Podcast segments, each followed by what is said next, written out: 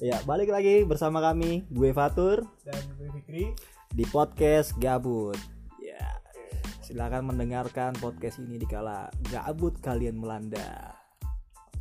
Jadi gini, di episode 2 ini kami pengen ngebahas tentang mudahnya bertransaksi di zaman yang penuh kemajuan saat ini atau biasa dikenal sebagai financial technology atau fintech. Contohnya kayak sebut merek ya, kayak OVO, kayak GoPay, kayak Dana, ya kan? Ini Itu kan tuh contohnya. fitur pembayaran payment. Ya, payment Jadi gini tuh, jadi gini tuh di fintech ini sebenarnya dia tercabang lagi. Ada yang fintechnya untuk khusus payment, ada yang fintechnya ini khusus untuk kayak financial planning, kayak contoh yang reksadana. Nah itu juga fintech dia layanan jasa keuangan gitu. itu termasuk fintech. termasuk fintech. Berarti bukan cuma yang kayak kredit online atau Bukan. OVO apa Tix ID gitu enggak? Kredit online masuknya dengan multi payment yang multi payment.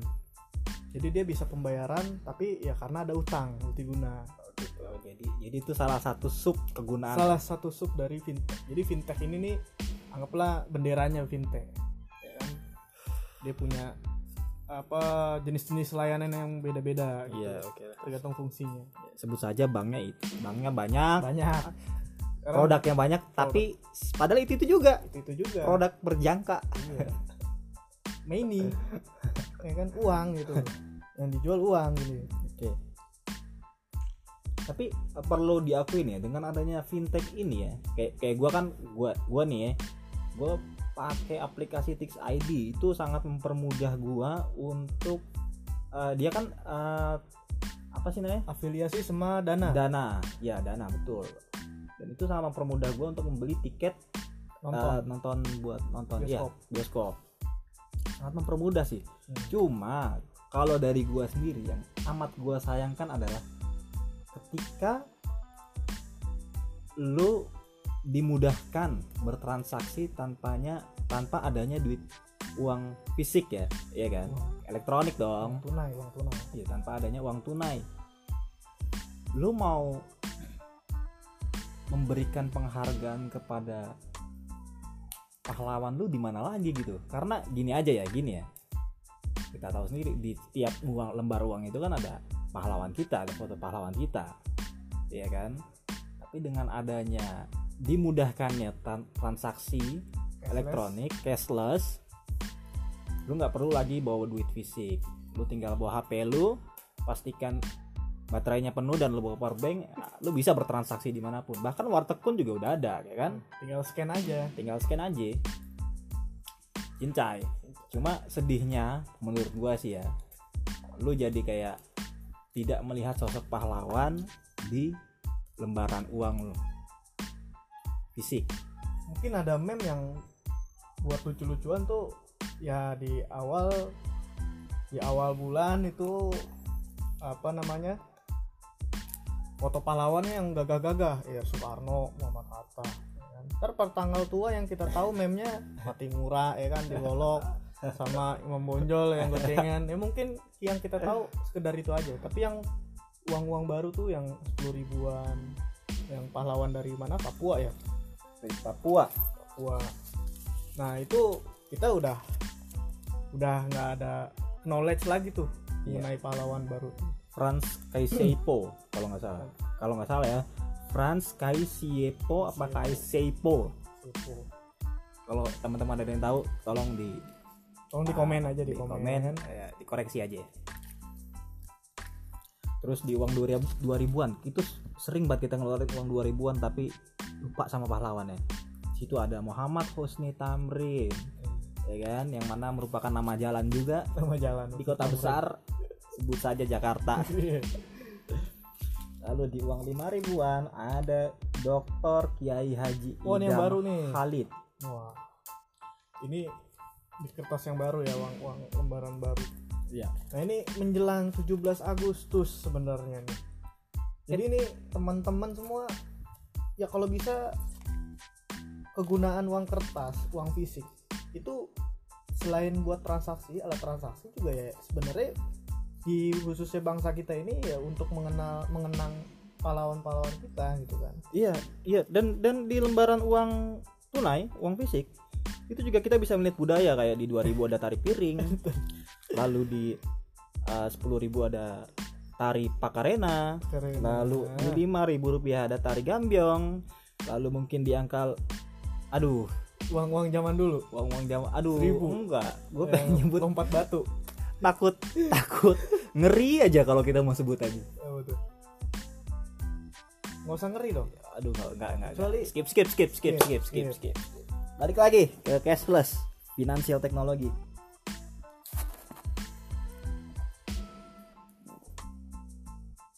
Jadi ah. Tadi udah ya untuk buat sub sub fintech tuh ada yang untuk payment ada yang payment. Cuman kadang orang banyakan kita nih dari kita ini udah ada yang terlena gitu ya dari kemudahan-kemudahan yang udah diterapin di era zaman sekarang ini zaman now nih. Nggak tahu yang micinnya ini yang generasi bawah apa yang atas atas juga udah micin ya kan? Karena karena saking diberikan kemudahan kita jadi luput ya kan? Lupa sama Maksudnya kesadaran finansial kita sendiri. Gitu. Oh iya iya. karena dari kemudahan itu. Sub dari fintech itu juga ada kredit online. Nah maksudnya seperti itu ada Ya. multi payment kan?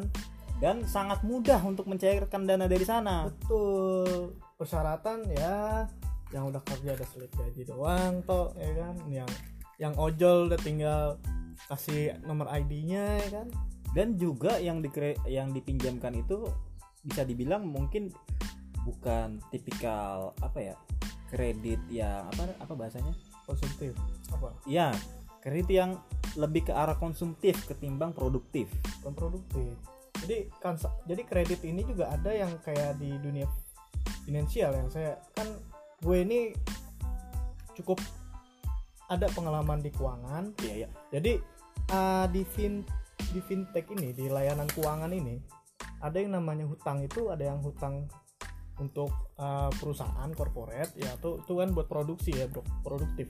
Ada juga yang consumer credit ya Iya. kan? Nah ini seperti teman-teman yang biasa ditawar-tawarin tuh kartu kredit. Nah itu biasa itu kategorinya itu kategori kredit consumer ya kan? Di mana kita untuk udah belanjain aja dulu umpama lu isi bensin gimana? Shell sumpama Iya. wah biasanya tuh pakai yang pakai kartu kredit dikasih cashback. Supaya apa? Supaya udah pakai kredit kartu kredit aja ntar kan bayar akhir bulan. Ya kan? Pasca bayar ya. pasca bayar. Jadi kayak gitu. Dikasih kemudahan mungkin tujuannya ya itu ya untuk Mempermudah. mempermudah kedua uang uang tunai yang kita pegang bisa dialihkan buat yang lain. Iya iya. oke, tapi oke. sebenarnya pada dasarnya harus melek juga gitu jangan sampai kita tutup mata. Tapi tapi kan kalau misalnya kayak konteksnya yang eh, kayak eh, kredit-kredit online gitu kan yang yang sangat mudah untuk mendapat mencairkan dananya yang kalau kita lihat di iklan YouTube 5 menit dananya cair. Nah itu banyak banget tuh. Ya kan? Itu kan mungkin kalau menurut gua sih masuknya ke ranah eh, kredit konsumtif. Iya itu kredit konsumtif. Jadi sebenarnya itu eh, pesannya dari iklan itu itu digunakan ketika misalkan kita lagi mendesak nih umpama punya gaji standar di Jakarta berapa? 4 juta anggap Hmm. rata-rata. 4 juta. Ketika akhir bulan kita udah terdesak nih tinggal limitnya 500 ribu. Sedangkan kita tetap uang makan terus jalan. Sebenarnya pesan dari apa namanya fintech tersebut ya layanan. Kalau lu butuh duit ya lu pakai sini aja daripada lu minjem minjem sama teman nggak enak takut nggak dikasih atau gimana ya. Mungkin pesan dari iklan ya seperti itu. Cuma kan yang enak kalau udah nunggak nggak bisa bayar kreditnya dia minjem juga ke teman. Ya, karena karena karena ini gue juga gue punya teman teman. Sebut saja bapak sensor Ya. ya kan? Dia punya kemamp eh, dia punya gaji sekian tapi entah kenapa dia masih eh, merasa kurang dengan gajinya kurang ya kan iya iya ya kan terbentur oleh kebutuhan mungkin Iya, ya. oh, iya, oke, oke lah, oke lah. Kita atau- kita paham dengan, oke kita kita sepakat dengan terbentur dengan kebutuhan. Cuma ketika dia buntu bayar kredit, ya otomatis kan larinya ke kita, yang resah kita, ya. mungkin pertemanan dikorbankan Iya pertemanan dikorba- dikorbankan. Ya entah dibilang. oke lah. Sesekali oke lah. Iya Asalkan sesekali oke. Iya oke. omongannya itu bisa dipegang ya Iya. kan? Cuma kan kadang terkadang mulut teman ini lebih pedas daripada mulut tetangga. Nah. Sedangkan notabene nya gue masih pengangguran nih. Tapi tapi Itu. sebenarnya itu banyak dialami banyak orang nih ketika kejadian itu banyak yang ngalamin tuh lebih galakan yang minjem daripada yang ngasih pinjaman. Kadang-kadang ada aja. Makanya ini dilematis juga kan orang tuh yang mau ngasih minjem takut. Yang Duit, galakan duitnya tuh. nggak balik. Nggak balik. Lebih galakan yang yang minjem daripada yang ngasih pinjaman gitu loh. Iya, iya. Kayak- kayaknya pengalaman banget deh. Ya enggak itu mayoritas. Oh mayoritas. Mayoritas yang mayoritas teman lu. kalau mayoritas teman lu. mayoritas teman gue gue lihat instastorynya tuh apalagi khususnya cewek-cewek gitu ya gue gue lihat. Ya elah lu yang minjem kok. Lu yang marah-marah. Nah ini kita nggak tahu konteks perempuan. Mungkin dia lagi mm, beli beli make masa-masa up beli mens ya beli, kan? Masa-masa. beli blush on beli Iya. beli beli Ya, hijab mungkin itulah ya kan? Makanya sekarang kan kalau lamar kerja yang banyak terima tuh cewek karena emang konsumtifnya tinggi gitu loh. Bisa jadi. Walaupun cowok juga ada konsumtifnya juga lah kalau yang punya hobi gitu loh. Tapi kok- kalau ngomongin hobi ya hobi hobi ya hobi gue nggak bisa hitung hitungan nih sama hobi. Nah nggak bisa hitung hitungan kan? Iya. Kalau yang udah lupa sama keuangan. Tapi sebisa berujung mungkin minjem nggak? Enggak. Gue sebisa mungkin walaupun gue tidak pernah hit, berhitung hitung hitungan dengan hobi gue tapi sebisa mungkin gue kalau memang lagi nggak ada uang ya, ya Nahan diri. tahan aja udah. Berarti kayak di ujian psikotes. Lu nahan diri atas hasrat atau mengejar sesuatu atas impian tersebut. Tapi tapi ketika kita lagi ada uang lupa lupa. Tahu-tahu lah hilang. Jadi barang tapi. Ya, tapi jadi barang. Tapi jadi tapi jadi barang. walaupun nilai turun. Nilai turun setidaknya lu punya aset. Aset. Daripada jadi keset aset atas hasrat. Aset atas hasrat. Ya balik lagi lah ke fintech. Iya. Jadi menurut lu fintech nih bagus apa enggak jadi perlu dijawab tuh teman-teman. Karena ini bisa digunakan yang baik untuk orang yang benar-benar tahu fungsinya bisa jadi malapetaka buat buat apa tur? Buat buat orang yang buntung mikir. iya. Orang yang mikirnya sesaat terus tapi tapi wah enak sekarang udah ada yang ini udah ada ini. Jadi jadi kayak ujung-ujung itu lagu Roma Irama gitu loh. Gali lubang gali lubang lubang ya kan? Kayak gitu loh tapi iya sih. Cuma gimana ya? Sangat seduktif gitu loh. Iklan-iklannya lu lu lu kalau naik MRT gitu kan Oke. di MRT mana gitu gue lupa. Ini gue demen nih kalau udah bahas masalah di offering dari layanan-layanan keuangan gue juga agak sedikit jengkel. Iya di, di, di setiap tangga ada jargon-jargonnya gitu. Iya. itu aduh Dan- dan sangat seduktif gitu loh. dan gue demen nih kalau yang dengernya ini yang yang kerja kerja sebagai koperasi-koperasi di keuangan yang aduh please jangan pakai SMS blast itu kita kan nunggu SMS tahu ada yang urgent atau apa? Eh tahu-tahu nawarin cicilan tinggi bunga rendah. Ya kan? Itu yuk jualan atau emang benar-benar ngejebak gitu loh. Sekarang udah ada hitung-hitungan real yang yang masuk akal buat perusahaan yang masuk akal buat sebagai peminjam kreditur ya kan? Jadi jangan apa ya membuat skema-skema yang nggak realistis gitu loh. Jadi ujung-ujungnya kan udah ada konten yang YouTube tuh bikin ini tuh penipuan KSP contoh aja tuh langsung KSP online apa operasi apa ya kan? Nah itu tuh yang teman-teman kalau risih sama SMS kayak gitu sebenarnya kita tuntut aja yuk kalau ada gitu. Risih mengganggu privacy soalnya kan tapi uh, info menarik ya? Fakta menarik anjir. Fakta menarik. Tahukah kamu? Tuh Galileo? Nggak jadi gini gue pernah riset terkait fintech itu sendiri ya. Ternyata finansial teknologi itu fintech itu Indonesia sendiri belum ada peraturan setingkat undang-undang yang mengatur terkait fintech. Baru ada sekitar 3 atau 4 peraturan kalau nggak salah ya. Pernah gue pernah riset eh, yaitu ada peraturan BI nomor 18 eh, tahun 2016 tentang penyelenggaraan pemrosesan transaksi pembayaran terus ada peraturan BI nomor 19 tentang penyelenggaraan fintech lalu ada peraturan anggota dewan gubernur lalu ada ada POJK juga Nah, gue lebih concern ke ya? POJK. Kenapa POJK? Karena selama ini kan BI dan OJK udah terpisah kan. Otoritas di keuangan sebenarnya udah lebih ke OJK karena BI udah fokus ke moneter peredaran uangnya aja. cuma kalau gua sih concernnya ya maksud gua uh, fintech ini kan sebuah apa ya fenomena ya Uh, fenomena yang disruption era lah. apa Disruption era lah. Jadi oke jadi sebenarnya tuh berawal dari banking. Iya. Berawal tuh dari multi finance banking. Cuman dia ngambil subnya doang. Hmm. Kayak contoh peer to peer lending itu, dia ngambil dari bagian orang yang borrower, orang yang meminjam kreditur sama orang yang ngasih pinjaman. Hmm. Terjadilah fintech itu khusus financial planning, peer to peer lending ya kan. Ada yang apa ngasih pinjaman consumer ya kan. Nah, itu dari mana? Dari banking yang ngasih kartu kredit. Jadi dia ngambil subnya doang tuh bagian kecilnya aja. Diri sendiri oke dengan dia naikin tingkat bunga. enggak kalau kalau Gitu. gua itu lebih concernnya uh, uh, sebut fenomena aja lah ya biar biar Fenomena. gampang. Oke. Fenomena.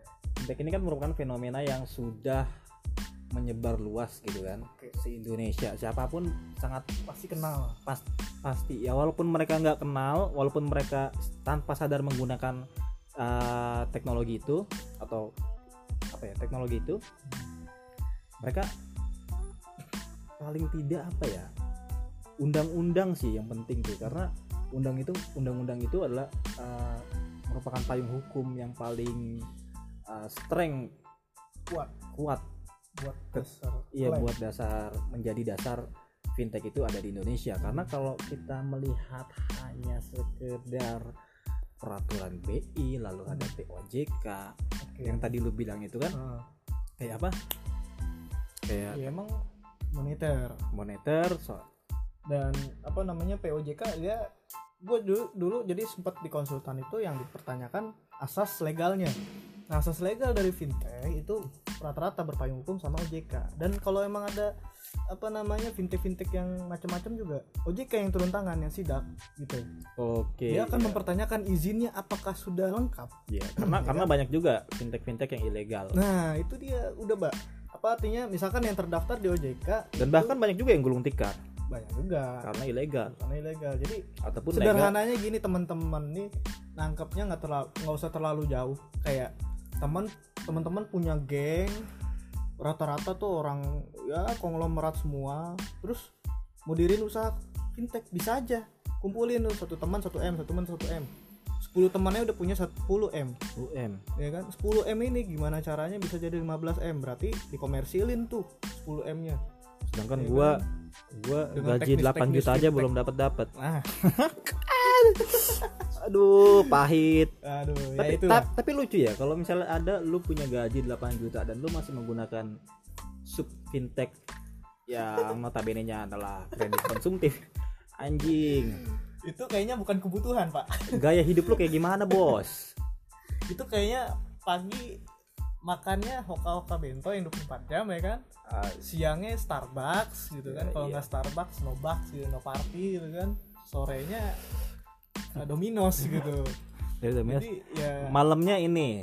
Malamnya apa? Eh, sate taichan. Sama Beer Garden ya. Beer Garden. Dessertnya gultik iya Gultik masih murah. Aduh gultik anjing sekarang udah mahal. Udah mahal. Buat gue sih.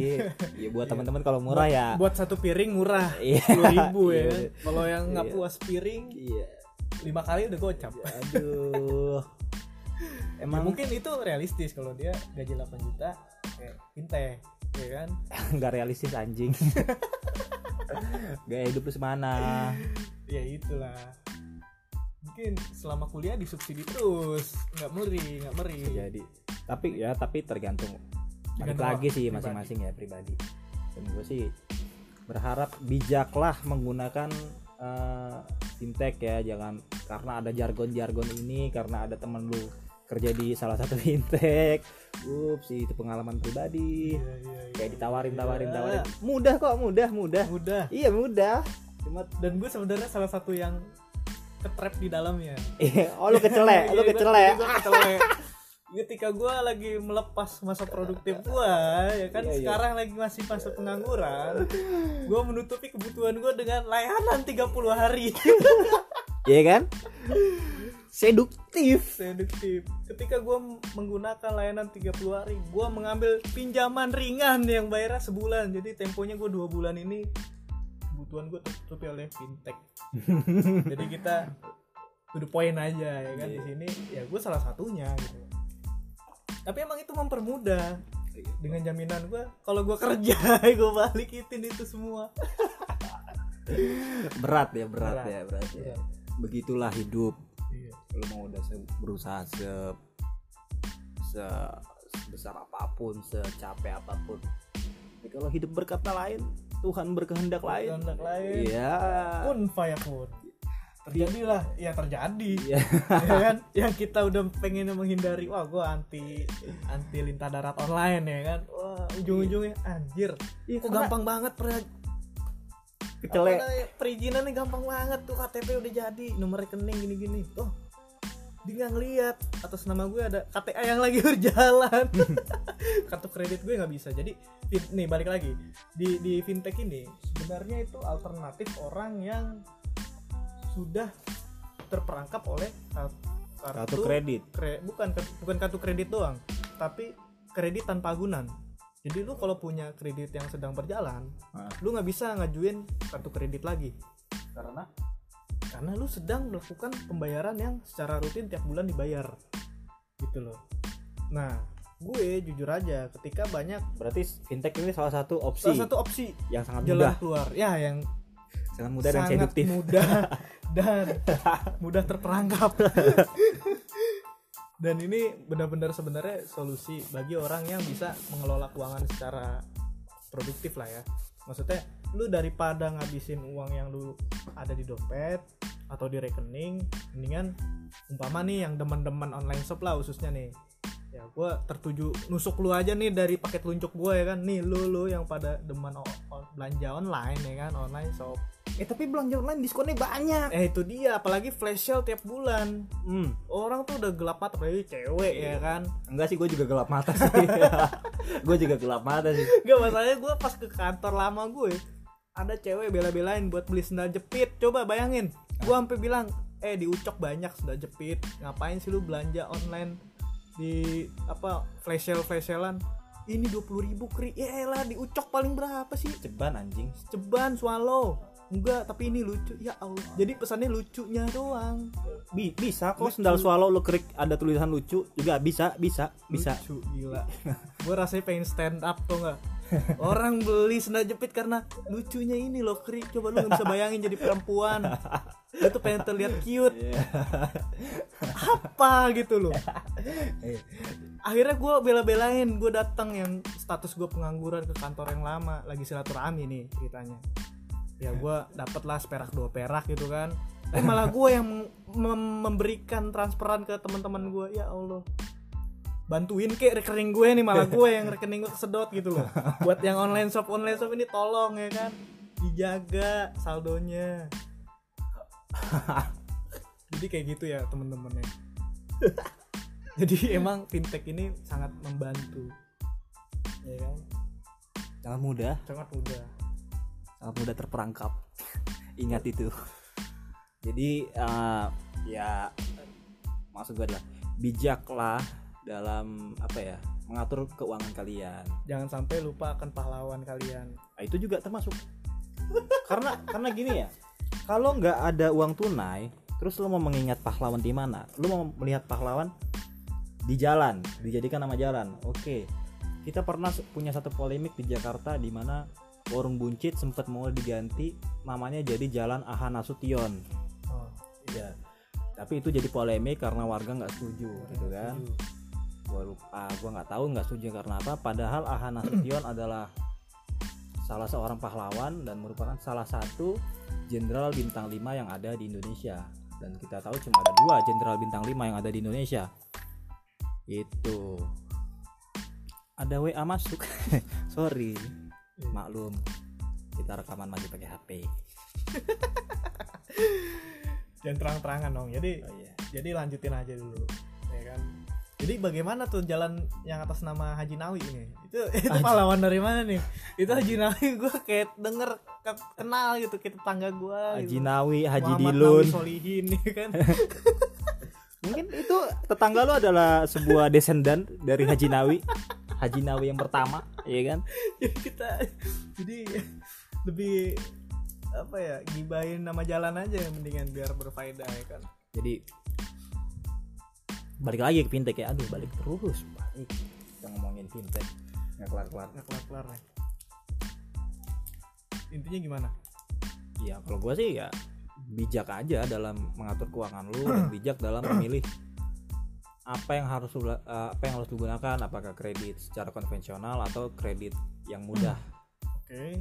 Oh ini balik lagi nih. Ketika bahas kredit teman-teman perlu tahu tapi kayaknya udah banyak yang tahu soal pay later. Pay Iya kan? pay letter apa tuh pay letter pay later jadi lu gunain sekarang benefitnya lu gunain aja sekarang. Pasca bayar bayarnya nanti. Iya pasca bayar. Ya pasca bayar dengan waktu tertentu yang di kayak umpama lu bisa bayar sebulan apa enam bulan berturut-turut setiap bulan. Iya. tapi tapi ada limit tuh? Ada pastinya ada limit tergantung dari saldo yang dicek. Gitu. ya kan? Dicek dulu di cross check dulu rekening. Ya, jangan jangan. Kita jangan mengedukasi orang-orang untuk Oh. mengetahui hal ini. Nanti mereka makin eh, terseduktif. Enggak jadi ini ini udah tren yang saat ini berjalan ya kan pay later. OVO pay later udah ada jadi gua nggak nggak terlalu apa nggak usah terlalu ekstrim ngejelasinnya. Teman-teman udah pada kayak yang tahu cuman bahayanya ini sebut merek apa enggak nih? Nggak usah anggaplah multi finance lah ya kan. Pas gue lagi di interview mengenai pengembangan bisnis bisdev itu banyak data-data mengenai eh, masyarakat kita nih lebih banyak mengeluarkan di bidang apa ternyata emang tren sekarang tuh pada hobi jalan-jalan sih ya. Jalan-jalan? Hobi jalan-jalan. Mereka lebih mending makan tahu tempe ya kan? Minum kopi sehari empat kali ya kan? Kopi ABC ya kan? Ya ketimbang hidup sehat ya kan? jadinya apa? Alih alih-alih dananya itu bisa untuk liburan berlibur. Jadi itu kebutuhan jalan-jalan tuh jadi kayak primer kebutuhan primer. Dan mungkin itu jadi salah satu alasan kenapa sempat ada apa namanya eh, pembahasan milenial itu nggak akan punya rumah gitu ya. Nah mungkin. Bisa aja. Karena Iya, ya karena- kebutuhan kebutuhan tersier itu dijadi perilaku pokok. konsumtif itu sudah menyebar luas dan gimana? Udah jadi tren daging. udah udah jadi tren pak. Udah jadi tren pak. Udah jadi lifestyle pak. Orang tuh no gaya no party ya kan pak?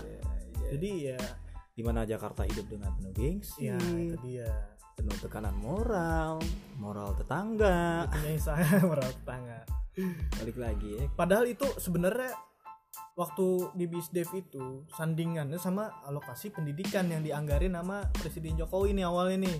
Oke kita bikin kredit untuk yang mau sekolah jadi yang seben- seumpama tuh yang Oh. orang-orang yang oh awalnya digunakan Iya, eh, awalnya tuh untuk tujuan targetnya adalah untuk pendidikan untuk uh, mempermudah orang yang memang kekurangan, secara Kekurangan finansial, secara finansial untuk di- meminjam duit iya pendidikan untuk, untuk pendidikan. pendidikan. untuk kayak misalkan beli buku yang benar-benar ya standar-standar beli di Gramet lah atau di mana ya kan bos Ternyata- bos bos bos iya bos sekarang masih ada nggak sih masih bos. Oh masih ada ya? Masih. Jadi. makanya itu ada di dunia pendidikan nanti ada pembahasannya lagi. ternyata udah tua juga ya.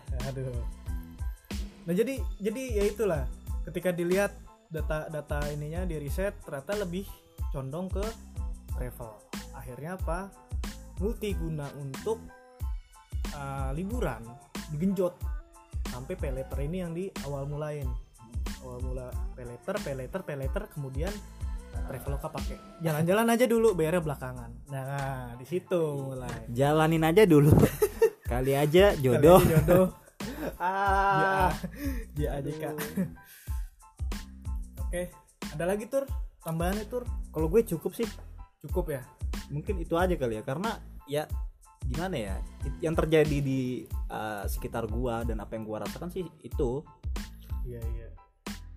Dan gue agak bersalah juga yang mungkin orang karyawan yang pernah kerja di institusi keuangan mungkin lu harus ngerasa berdosa karena yang diperjualbelikan itu uang. Jadi Bukan ri- barang. bukan barang bukan itu Objeknya- itu fasilitasnya aja. Barang itu layanan itu fasilitas aja. Dan yang lebih diperkomersilkan tuh uang. Di mana lu udah berani modalin di awal terus lu dapat keuntungan dari ya selisih selisihnya itu ya kan ya oke lah emang itu komersilnya itu emang memang begitu Bisnis cara bisnis berjalan. Iya itu bisnis dia berjalan. Jadi ya kalau emang udah mulai hijrah pemuda hijrah sip. Sedikit lah bertobat. Agar milenial ini pada punya rumah ya kan? Gak nepeng sama orang tua gitu loh. Oke oke. Oke mungkin mungkin dari Fikri dari gue itu aja sih. Ya. Cukup Iya. jelas kalau gue sih ya, concern emang di keuangan ya agak bersalah lah. Kalau kalau gue ya yang pertama poin gue ada satu bijaklah dalam menggunakan finansial teknologi. Yang kedua amat sangat disayangkan ketika peraturan terkait fintech ini cuma ada sekelas POJK dan peraturan BI harusnya bisa diundang-undangkan kalau menurut gue sih. Oke. Itu dua. Itu aja ya Jadi mungkin udah itu aja podcast kita hari ini teman-teman. Semoga bermanfaat, ya kan? dan ilmu yang gue dapet di masyarakat bisa teman-teman cerna mana yang Karena- benar mana yang salah Karena gini, apa apa siapa yang ah, Rasulullah atau siapa yang bersabda? Sampaikanlah walau hanya satu ayat. Anjay.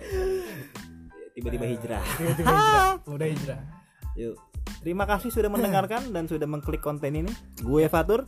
gue Fikri Selamat menikmati hari di Jakarta pun di mana kalian berada. di saat gabut Dengarkanlah podcast Gabut. podcast Terima kasih. terima kasih